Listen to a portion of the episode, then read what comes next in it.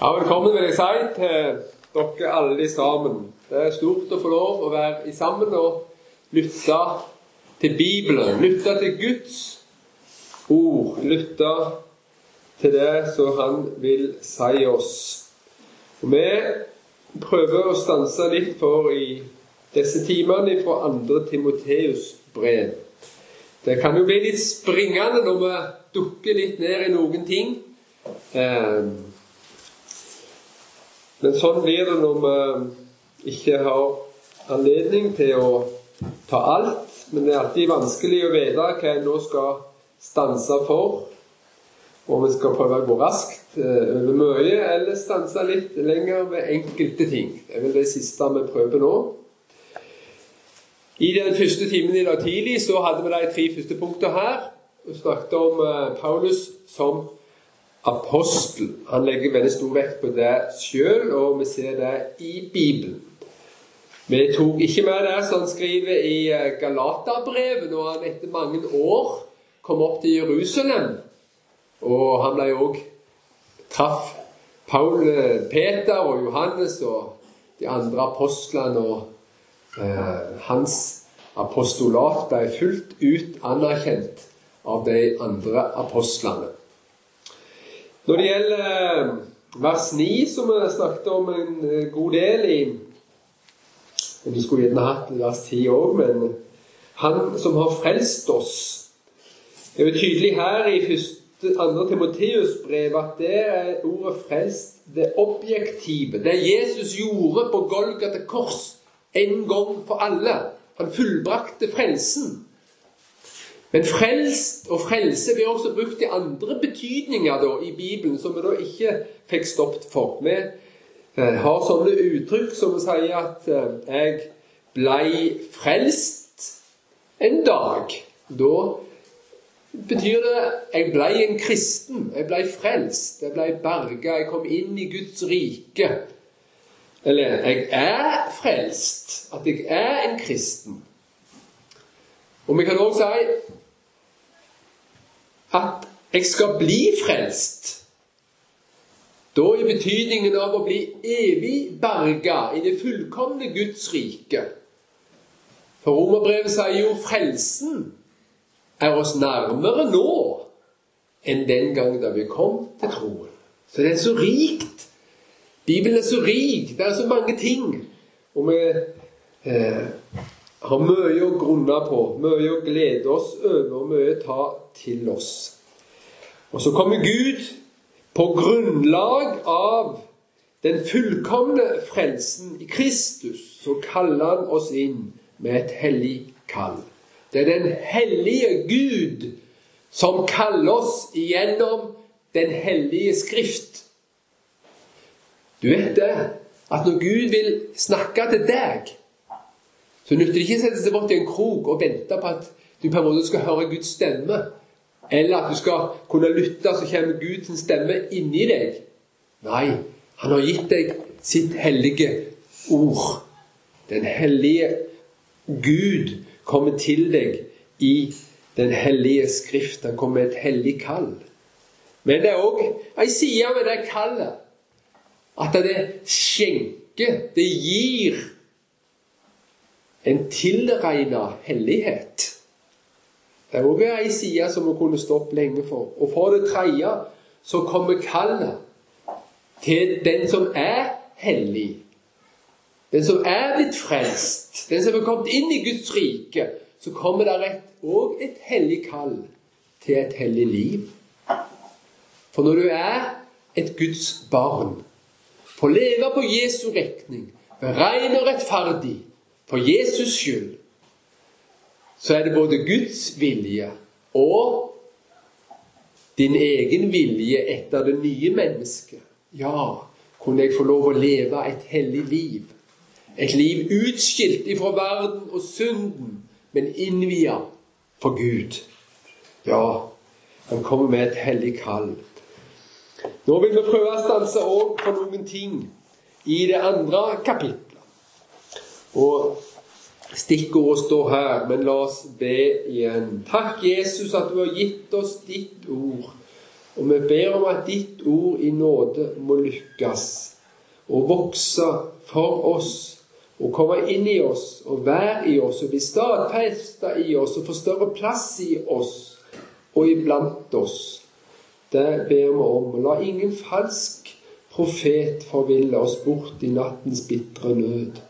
La ingen lærdom vrang forspille vår trøst av Jesu dyre døde. Det ber vi om i denne stund.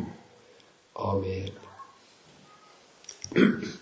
Og tenk så mange som vi er. Men da er det godt for en predikant å vite at det er Gud som står bak ordet sitt. Og det er forunderlig hvordan Gud han taler sitt ord inn i samvittighetene. Gud han vil treffe deg i samvittigheten din, i ditt indre, langt der inne, der ingen vet om. Ja, Gud, han ser alt. Men vi, vi ser deg bare på utsida. Og på en måte så, så trenger vi ikke vite mer enn det som du har lyst til å dele med oss. Men Guds ord, det vil så mye dypere og så mye lenger inn og hjelpe deg på alle vis. Men noen trenger trøst. Men noen trenger tukt. Noen trenger å bli virkelig rista og komme til sans og forsamling hva livet handler om. Andre trenger å bli, bli satt opp på fanget, så de forstår at Jesus er glad i dem. Ja, det er så veldig forskjellig. Men Gud er den samme, og han har det samme mål for alle. Han vil ha deg hjem til himmelens lyse land. Derfor er det godt å sette seg ned.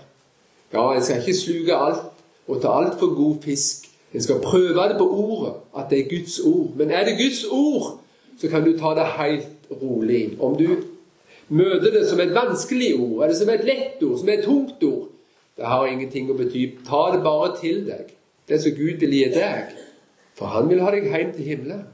Det kan du være helt sikker på. Det kan du stole på. Så prøver vi å lese kapittel to.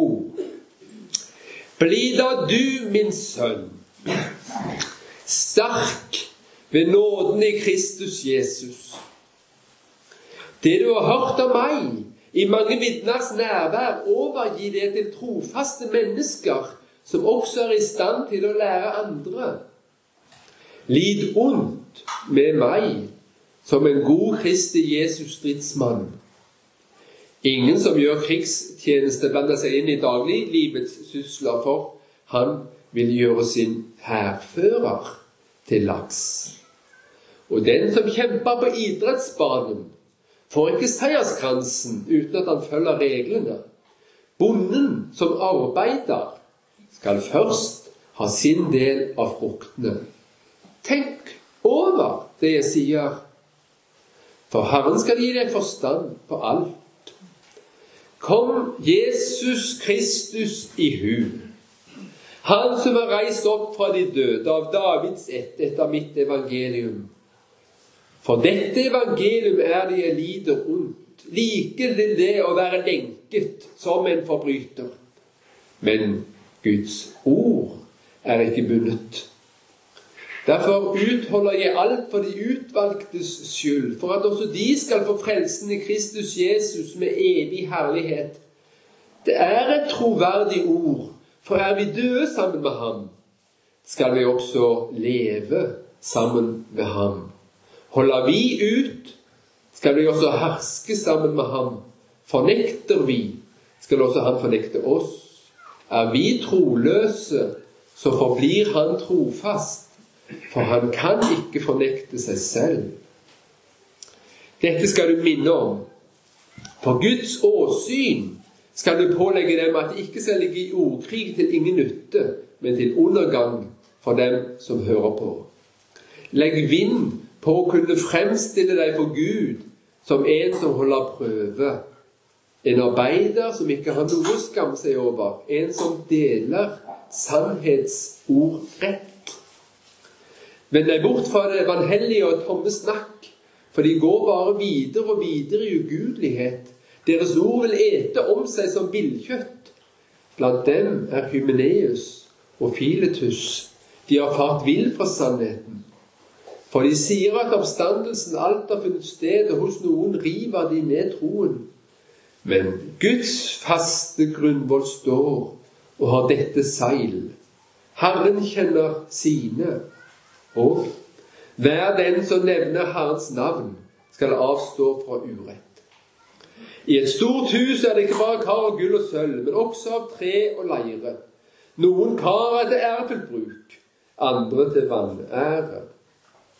Den som nå har renset seg så han holder seg borte fra disse vanærens kar, blir selv et kar til ære, helliget, nyttig for husbonden, satt i stand til all god gjerning.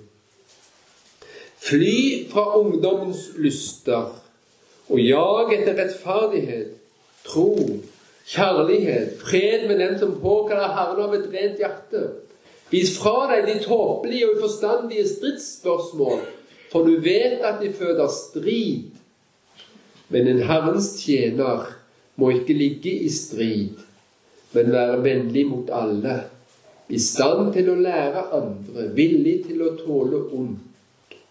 Med ydmykhet skal han tilrettevise dem som sier imot, om Gud da kunne gi dem omvendelse, så de kunne kjenne sannheten og våkne opp av sin rus i djevelens snare, han som de er fanget av, så de må gjøre hans vilje.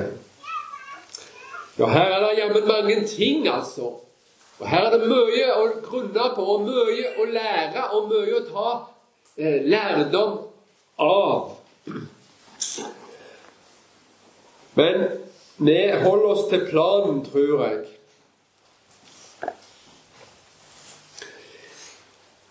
Bli sterk. Ja, hvem vil ikke bli sterk? Og Guds ord oppmuntrer deg og oppildner deg og formaner deg til å bli sterk. Så da forsto Jeg er jo kjent for å være veldig lite sterk. Veldig lite muskler. Det må jeg bare si er sant. Men hvorfor skal en være sterk, da? Hvorfor skal en være sterk? Jo, for da kan en pumpe mye jern. Da kan en sette rekorder i benkpress. Eller da kan en få en spenstig kropp som andre syns er veldig bra. Eller Ja, Men hvorfor skal en være sterk? Jeg vil si to ting. Hvorfor en skal være sterk. Og da er vi tilbake til vers 1. Bli da du, min sønn, sterk. Det første med å være sterk og Nå snakker jeg ikke om, om eh, sånn fysisk styrke. Men det første med å være sterk, vet du hva det er? Det er å være frimodig det. I møte med Gud. Hvem kan være så sterke at når de møter Gud, så kan de se den hellige Gud like inn i ansiktet? Hvem kan være så sterke? Hva var det som sto i ordet? Bli da du, min sønn, sterk ved nåden i Kristus Jesus. Her er vi, her er vi vil jeg si, på dypt vann. Og her hadde vi jo litt i dag tidlig om den loviske fristelsen som ligger i kjødet, som vi må døde hele livet for om du enten blir overmodig eller du blir mismodig For du tenker 'jeg er full av synd', og jeg, det er så mye galt i mitt liv, så hvordan skal jeg møte Gud? Eller du tenker 'Gud, han er jo så snill og grei. Det er ikke farlig med han. Han kan jeg lett møte.' Begge fullstendig misforståelser. Men du må hente nåden. Nåden det er et veldig viktig begrep i Bibelen. Men nåden er å få, som vi hørte tidligere i dag, å få det motsatte av det en har fortjent. Men hvorfor skal en få det motsatte av det en har fortjent? Det er sånn Hvis du er hjemme som mor og far, og så tenker du nå vil jeg være virkelig stygg med far. Nå knuser jeg frontruta på bilen. Og så sier far, når han ser det 'Å, her skal du få en is.' Få det motsatte av det han har fortjent. Hva er dette for noe? Ja, men Det er ikke sånn med Gud, for det nytter ikke å være så stygg med Gud. Gud bryr seg ikke om så stygge folk. Jo, så stygge folk bryr Gud seg om. Han gir nåde. Ja, Men hvordan går det an, da? Jo, det var Jesus som betalte. Han hadde betalt for den frontruta på forhånd. Så det var allerede i orden, egentlig før det var skjedd. Hæ? Ja, det var jo ordna på Golgata kors. Det er ikke sant. Kan ikke ordne ei frontrute før hun er knust. Gud, han er, han er sånne litt vanskelige ord. Han er allvitende. Han visste det på forhånd. Så når det står at all verdens synd ble lagt på han, så er det sant. Se der Guds lam, som bærer verdens synd. Ja, Men var ikke det døperen Johannes som sa det for nokså nøyaktig 2000 år siden? Ja, men tenk, da ble de synd lagt på Jesus. Og så får du nåde. Nåde.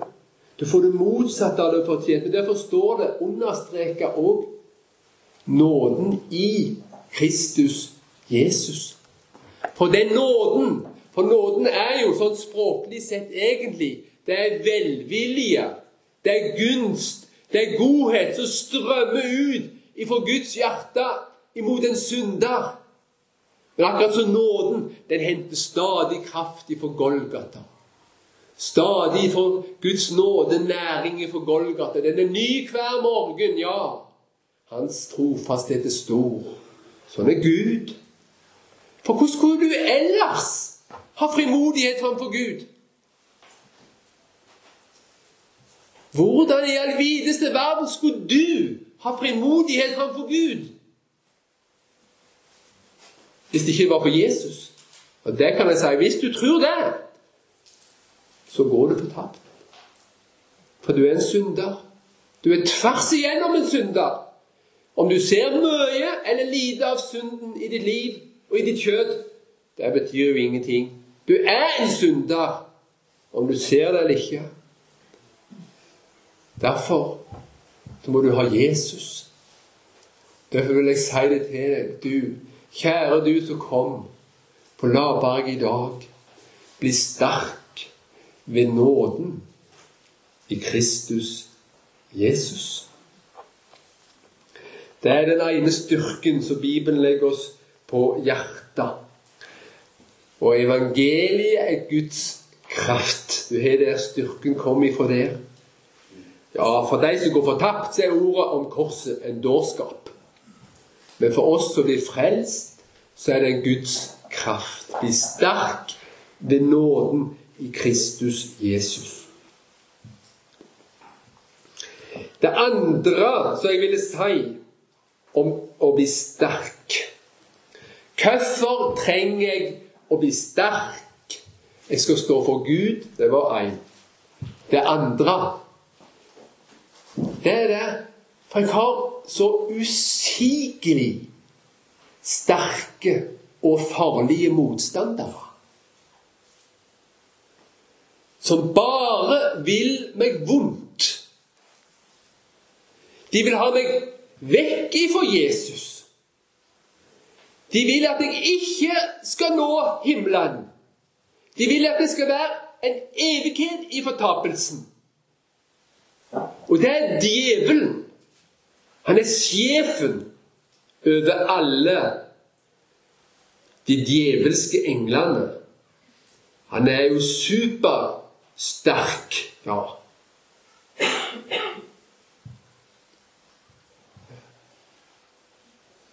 Djevelen. Så er det verden. Det er på en måte summen av den ånd som er i vantroens barn, de som er falt i synd ved syndefallet og ikke har kommet ut ved å bli frelst inn i Guds fullkomne frelse og Guds rike og inn til Jesus. Der er det en ånd som står Gud imot og ikke vil ha deg til himmelen. Ikke vil at du skal leve med Jesus, men ha deg bort. Ikke vil at du skal innvie livet ditt til Han og leve de sammen med Jesus. Djevelen, verden, hva er den tredje? Det er vårt eget kjøtt. Det er jo litt vanskelig å forstå at det er kjøttet At det er for kjøtt Det er jo egentlig en gammel skrivemåte for kjøttet. Saks på gresk. Men det betyr, når vi ser i Bibelen, at når Adam og Eva falt i synd Da ble de skilt ifra Gud. Men da skjedde det noe her inne.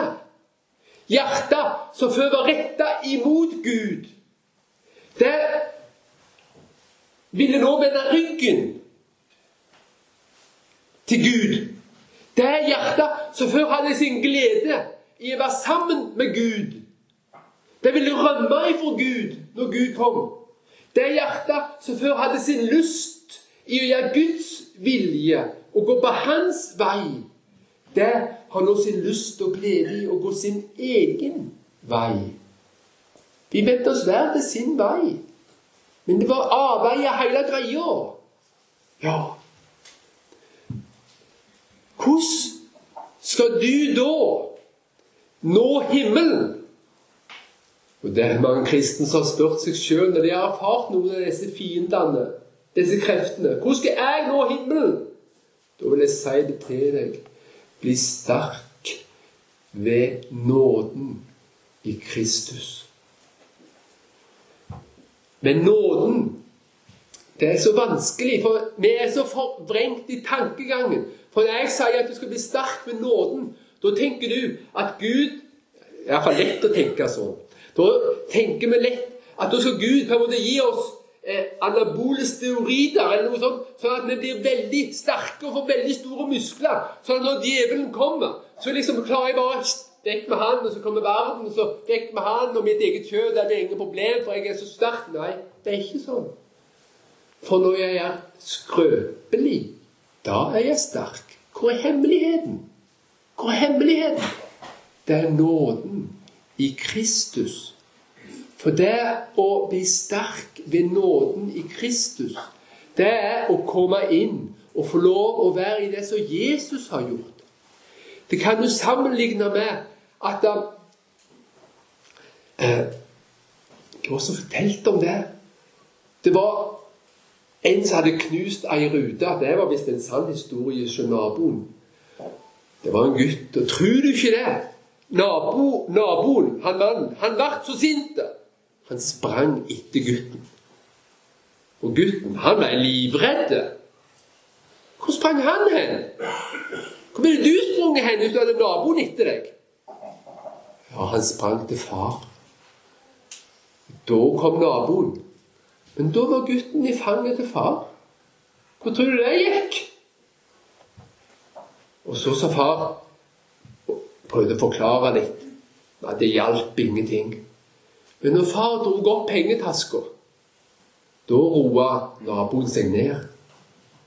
Og når far bare ga ham pengene, da ble naboen i godt humør. Ja, sånn er det å bli sterk i nåden. Det er når du får se at Jesus har betalt. Det er som å komme opp på Jesus sitt fang. Det er som å være et lite, lite lam og det er så svakt, vet du. Men hvis det kommer opp på en sterk hyrde sine skuldre, hvordan tror du lammet har det da? Tror du da lammet kommer fram? Tror du da lammet kommer hjem? Nei, det er så svakt, det der lammet. Eneste det klarer å gjøre, det er å klynke litt i ny og ne. Og klage litt hvor svakt det er. Det kommer aldri fram. Jo, det har blitt sterkt ved nåden. Det har fått det motsatte det har fortjent. Det er en annen som har tatt på seg lammets sak. Det er en annen som er sterk. Ja, når jeg er svak. Og jeg klagde tre ganger. Det var en Satans engel som slo meg, sier Paulus. Jeg ba, og la meg bli kvitt men Gud, han sa isteden Hva sa han? Min nåde er nok for deg. Så er jeg vel til mote, for når jeg er skrøpelig, da er jeg sterk. Det er nåden det er evangeliet. Det er veldig fristelse i kjødet hos en kristen at når det går dårlig i kristenlivet, så tenker han nå må loven til. For nå må loven stramme meg opp. Nå må, jeg, nå må jeg gjøre mer av ditt og mer av datt. Nå må jeg slutte med det og begynne med det. Og det må du veldig godt gjøre. Absolutt. Vi skal følge alle Guds ord, alle Guds bud. Det sier vi med glede etter vårt nye menneske ja til. Men det er ingen kraft i loven. Men den viser at vi er syndere, og den viser oss den rette vei. Men den har ikke kraften. Hvordan skal det bli sterk, da? Det er ved evangeliet. Og så tenker noen ja, det var jo litt interessant at at det sto i 2. Timoteus brev. Det får vi jo skrive oss bak øret. Men det er sikkert mange andre måter òg å bli sterk på. Nei. Det er bare denne måten å bli sterk på. Det er bare evangeliet. Jesus aleine, sa reformatorene for 500 år siden. Jesus aleine. Det er sant. Det er sant. Det er å holde ut til enden. Det er han som skal bli frelst. Og da er du frelst, sier Jesus i den betydningen det er å bli evig berga. Den som holder ut Ja, men hvordan skal jeg holde ut? Stakkar. Du må bli sterk. Hvordan skal jeg bli sterk? Det er ved nåden. Det er å få alt for ingenting. Det er å være et lite, lite lam så den gode hyrde som satte livet til for fårene. Og da er du trygg både mot djevelen og mot verden og mot vårt eget kjød. Og så ligger du på skuldrene der, og så begynner du av en eller annen grunn å bli litt lei, og du begynner å sprelle, og du vil ned. Det er jo kjekt å komme ned og kunne springe og gjøre litt som en vil. Så går hurden der. Hva tenker du om det lammet? Så ser du lammet. Du kommer lenger og lenger bort ifra hurden. Lenger og lenger bort ifra hurden. Ja, det må jo lære å klare seg sjøl. Det er jo bra. det Ta det som trening. Kanskje treffer du bare en ulveunge, ikke en voksen ulv. Så da går det sikkert fint. Nei, det går ikke fint. Du må ikke komme vekk ifra Jesus og bli sterk ved nåden og være som han. Ja. ja, men er det sånn? Er det ikke sånn som Jesus? Sånn som vi oppdrar ungene. At vi vil at I begynnelsen må vi jo bære på dem hele tida, og det er veldig tungvint. Så det er litt deilig når de begynner å bli seks-sju måneder, begynner å krype litt rundt forbi. sant? Og om ett år så kan de eh, når de klarer de å gå litt, og det er veldig fint. Og Nå er det jo en her, han er jo over 20 år. Nå går han jo hvor han, hvor han vil. Ja, er det både godt og gale, det, kanskje? Sånn, men jeg har jo ingenting jeg skulle sagt. Men ikke sånn med Jesus. Han vil ha oss nær. Han vil bære oss. Han vil gi oss alt vi trenger. Bli sterk med nåden. Trengte virkelig Timoteus å høre dette? Ja. Dette trenger alle kristne. Og det skriver jo Olav Hans Senstad så herlig om. Og vi repeterer litt av det vi leste tidligere i dag fra boka 'Tornen i kjødet'. Den stadige fristelse til lovisk tankegang. Med en lovisk tankegang menes en tankegang i vårt kjød som alltid tenker på frelsen og livet i Gud i form av betingelser. Som f.eks. når vi tenker på denne måten. Hvis jeg er slik og slik, så er Gud slik og slik. Hvis jeg gjør så og så, da får jeg det og det av Gud, osv som om alle forutsetninger og betingelser for å få del i Guds nåde og velsignelse ligger i deg selv, i din atferd og i din egen dugelighet, verdighet eller fortjeneste. Dette er og blir kjødets fariseertankegang i trelldommen under loven. Med denne tankegang omformer vi, uten selv å se elendigheten vi forvolder altså ved, vi stelle i stand, Guds frieste og herligste løfter til ledd i lov og moral, gjerninger og egen rettferdighet. Loviskhet er en kardinalsynd i vårt kjød, hvorved vi systematisk tilintetgjør for oss selv nåden og troen. Nei, vi må høre av Jesus, leve med Jesus, trøste oss til Jesus. Jesus aleine. Bli da du, min sønn og datter, sterk ved nåden i Kristus Jesus. Så tar vi punkt to. Det var en en gang så spiste ei lita bok. Husker du han? Boka, det var søt så honning i munnen. Men hun kom ned i magen, så svei hun. Sånn er det i livet med Jesus. Og hvor godt det er å få Guds ord. Og hvor godt det er å få hvile i det Jesus har gjort. Og hvor godt det er å være et Guds barn.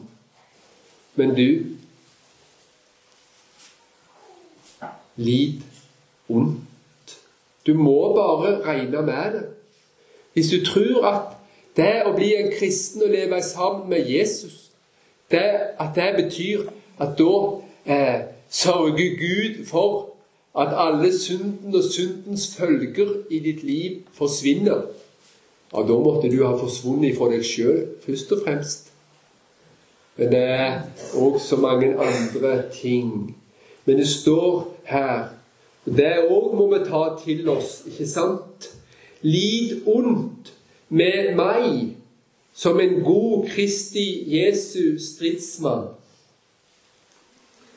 Ja, men sa ikke du at det kunne se ut som om Timoteus at han var en engstelig person? At han var mismodig, og at han var beskjeden, og ikke hadde det så lett? Og så kommer Paulus, og så sier han, 'Jeg inviterer deg, Timoteus, til å bli på laget mitt. Lide ondt med meg. La oss lide ondt sammen. Ja. Det er en lidelse sammen med Guds folk, ja, i sammen med Jesus. Og det er jo faktisk et av hovedtemaene i 2. Timoteus brev. Det med å bli sterk i nåden, i frelsen. Det har vi allerede sett flere ganger. Hvordan det har blitt sterkt vektlagt i kapittel 1. Men det står om lidelse i kapittel 1 òg, for er at vi ikke tok med det i 1.8. Skam deg derfor ikke ved vår Herres vitnesbyrd eller ved meg, hans fange, men lid ondt sammen med meg for evangeliet i Guds kraft. Ja, i sammen med Jesus. Ord om korset, en Guds kraft. Og i tolv Derfor er det også jeg lider dette. Paulus han var i lidelsen. Men han ba seg ikke fri ifra lidelsen. Men han ville leve sammen med Jesus. Og han sier til Timoteus, lid ondt med meg som en god Kristi Jesus stridsmann. Du, ser ikke meg i deg òg? Være sammen med Jesus i livet. Kunne vi òg vandre sammen med Jesus? Ja, jeg, jeg, tror ikke vi kanskje tør å si Jo, vi kan si det på ordets grunn, men det er vanskelig òg. Skal jeg være en stridsmann, en soldat? Jeg kjenner meg veldig Jeg har tenkt på det mange ganger det siste halvåret. Uverdig er jeg Herre kjær, å stå som lem i rikets hær. Men du som ga meg vennenavn Og så Ja, en Kristi stridsmann. Det høres urimelig ut. Men du, det er å være hos Jesus som en soldat hos han. Det er ikke å være en som er topptrent og virkelig dyktig til å føre krig, men det er en som er trofast til å følge sin hærfører. Følge Jesus spor. Holde deg tett inntil hyrden. Holde deg tett sammen med han og si 'Jesus, ja, hvor du meg fører, går jeg glad'. Han, ikke jeg, skal råde. Det er Jesus som er sjefen i livet mitt. Det er ikke alltid jeg så lett klarer å se hva han vil, om jeg skal gå til høyre eller venstre. Skal jeg, skal jeg arbeide med det? Skal jeg bli postbud, eller skal jeg bli rektor? Eller rørlegger? Eller en renholder? Eller en leg... Det er ikke så lett. Men jeg sier til Jesus det er du som eier livet mitt. Så får du føre meg. Og hvis jeg ikke merker noe annet, så tror jeg at du fører meg òg via de interessene og anleggene som du gir meg. Men du, å være en god Kristi Jesus stridsmann og lide vondt Vi som har vært militære, vi kan jo ha gode minner etterpå. Men å ligge ute på vidda i telt og fryse er ikke hyggelig. Men det, det kan være litt hyggelig å skryte til jentene etterpå for alt det de ikke har vært med på. Ja, men det var ikke alle som var så høye i hatten når de var der ute. Så det er ikke det at det er så veldig lett å lide. Det er ikke alltid så lett å bli sett skeivt på fordi du tror på Jesus, fordi du ikke har lyst å gå ut i verdslig liv, fordi at du ikke vil bryte norsk lov når de andre syns at det er helt peanuts. Når du vil heller gå på møte og høre om Jesus enn å gjøre det de andre vil, så du kjenner i klassen eller på arbeidsplassen eller Det kan være så mange situasjoner. Eller i familielivet. Og det der med å For folk er veldig hyggelige og vennlige, det er jo de fleste. Men det å føle seg utenfor, det er ikke så lett. Føle seg som et utskudd. Føle seg som et null som de andre tenker er en riktig klok, han der. Trodde nå han hadde litt peiling på økonomi og regnskap, men har han virkelig det når han setter Bibelen som det høyeste i livet? Er han ikke litt ko-ko, egentlig? Jo, i verdslig målestokk så er han nok det. Men Guds ord, det er vårt arvegods. Ja, det, er det. Uten det så klarer vi jo ikke finne veien. Det er det jeg ser og ingen andre plasser klarer jeg å se at Jesus han bar mine synder. Du kan bare se det en eneste plass i Bibelen. Du klarer ikke se Du kan se ut hvor nydelig her ute. Da kan jeg se å, Gud må være mektig. Gud må være sterk. Som klarer å skape alt dette. Ufattelig. Jeg klarer ikke skape noen ting, jeg, av ingenting. Men jeg klarer ikke å se at han har sonet min synd. Han har betalt til fulle alt det jeg skyldte. Mange, mange tusen pund. Ja, Men hvor ser du det? Jeg ser det i Den hellige skrift. Ja. Å, du lid ondt sammen med meg for evangeliet. Ja, lid ondt. For dette evangelium er det jeg lider ondt, står det i vers 9 her i kapittel 2. Like til det å være lenket som en forbryter.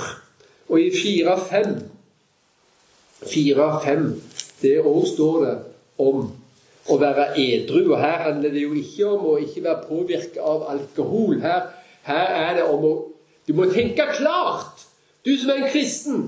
Du må tenke nøkternt, klart. Ikke bare deg vekk i alle tankespinn ifra mennesker eller ditt eget kjød, men tenk klart. Det betyr å tenke i tråd med Guds ord. Det. Ja, der du edru i alle ting, lid ondt. Ja, det hører med. Det hører bare med. Ja, men det er en liten tid, ja. Så har jeg vunnet. Så er det en ganske strid med ett forsvunnet. Så skal jeg hvile meg i rosendale og uavlatelig med Jesus tale. Det er sant. Og så er det noe her å lide som en kristen. Du må ha med det ordet. For det er dessverre sånn. Så det skal du være obs på. Du som er en kristen. Hvis du oppfører deg på en ugrei måte Så det er mye i livet vårt som vi lider ikke for vi er kristne, men fordi at vi er ugreie. Det står i, i 1. Peter 4,15 det der det jeg tenkte på. Og Det vil jeg òg dele til oss her. Du lid ondt. Gjør en evangelistgjerning. Lid ondt med meg, sier Paulus, som en god Jesu Kristi stridsmann ja, lev livet i sammen med Jesus. 1. Peter 4, 15. Det handler jo Ja, det er mange paralleller mellom 1. og 2. Timoteus og Peters brever. Men det får vi jo ikke sett på nå. Men her er det f.eks. om lidelsen. Og ser vi det tydelig. Og det må vi si til deg på Laberget i 15 her. For ingen av dere må lide som en drapsmann det betyr ingen må, må drepe noen andre. Det er ikke derfor vi skal lide. Da er det bare som fortjent. 1. Peters brev, kapittel 4, og vers 15. Og Hvis noen kjører for fort, så er det bare fint at de blir tatt. Så hvis jeg hører at du har fått ei, ei bot, så syns jeg det er bare bra. Det betyr bare at politiet har gjort jobben sin. For hvis vi har råkjørere så er farlige for oss andre i trafikken, eller for nesten. Ingen av dere må lide som en drapsmann eller tyv eller ugjerningsmann eller som en som blander seg i andre saker. Nei. Blander seg i andre saker, ja. Mens ikke er interessert i andre saker. Nei, ikke bland deg inn i det. Du har vel nok å holde styr på i ditt eget liv. Men lider han som en kristen? Ja, da skal han ikke skamme seg, men prise Gud for dette navn. Og du er en kristen, du, ja? Ja, da skal du Tenk, han kaller meg Jeg har kallenavn etter Kristus. Det er litt av et kallenavn. Jeg hadde kallenavn da jeg var liten. Eller ungdom òg. Det var ytterst sjelden jeg klagde på det, for det var ikke så tøft å klage på det. Men jeg likte aldri kallenavnet mitt. Jeg kalte meg for Fiffi. Men det å ha så langt og tungvint navn som jeg har Finn videre med bindestrek og W og plutselig med Z, så kan du tenke resten sjøl. Sånn. Men kaller deg noe som Hvis noen sier 'Er du en kristen?' Da skal du tenke! Jeg har kallenavn etter Jesus. Da skal, du, da skal du prise Gud for dette navnet. Tenk jeg får høre Jesus til. Jeg får være en himmelborger. Det er en liten tid, så står jeg hjemme. Ja. Så du som egler meg, eller du som ser skeivt på meg Å, om jeg bare kunne fått, fått det til, for du òg hadde forstått at du òg er regna med i det store kjøpet. Men når du ikke tror på Jesus, så får du ikke nytte av det. Ja, vi lider det som en kristen. Det kan være så mangt, men tenk hvor godt det er. Det var, Paulus han var jo i fengsel to ganger. Det har vi ikke snakket om. Men vi tror jo at, at andre Timoteus-brev er skrevet for det andre fengselsopphold. Det var etter at apostelgjerningene har slutta. Men det fengselsoppholdet som det står i apostelgjerningene. Da har vi fire brev i Bibelen som er skrevet ifra der. Og Filippa-brevet er ett av brevet, Efeserbrevet, Kolosserbrevet og Filemon-brevet er de tre andre. Men i Filippa-brevet der kommer det fram at de filipperne de var gode venner med Paulus. Og når Paulus kom i fengsel Nå blir jeg om til Filippa-brevet. Når Paulus kom i fengsel, da Hva hadde du syntes hvis din kamerat eller din venninne kom i fengsel? De syntes det var dumt. De tenkte Oi, oi, oi, tenk at du kom til fengsel. Og han som er vår gode venn, det var det ene. Og han som er den forkynneren og misjonæren. Han kan jo ikke reise noen plass. Han er jo i fengsel. Ja, Det var ganske løselige og gode fengselsforhold. Det er en annen ting i det første fengselsoppholdet. Eh, Men så, så sier Paulus her i Filipperen 1, 12. Og han vil berolige at ta det nå litt med ro, dere som er så redde for at jeg er i fengsel. Ja, det, det. Og så sier han Jeg vil at dere skal vite, brødre, vers 12, at det som har hendt meg, heller har ført til framgang for evangeliet. Ja, lid ondt med meg som en god Jesu Kristi stridsmann. Det er ingen som ønsker seg inn i fengsel. Nei, det trenger vi ikke ønske oss inn i fengsel, men vi ønsker å få lov å være med hyrden der han fører oss. Og nå skal du bare vite det, at det heller hadde ført til framgang for evangeliet at Paulus hadde blitt kasta i fengsel. Det var ikke sånn at Da, da fikk jeg jo ikke lov å forkynne for noen, og da var det ingen som fikk nytte av han og hans tjeneste. Jo, det er nemlig blitt kjent for hele livvakten og for alle de andre at det er for Kristi skyld jeg er i lenker. Så har noen blitt kjent med Jesus. Ellers hadde jo sikkert aldri de fangevokterne gått på et kristent møte. Så kom Paulus som fange inn i fengselet.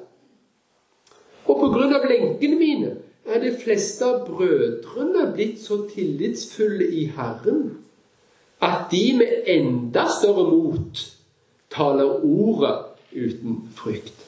Så når Paulus kom inn i fengsel, fikk de som ikke kom i fengsel, da ble de oppmuntra og fikk større mot og frimodighet. Så kom ordet enda mer ut. Ja, for Gud ville jo ha ordet sitt ut. Det vil han.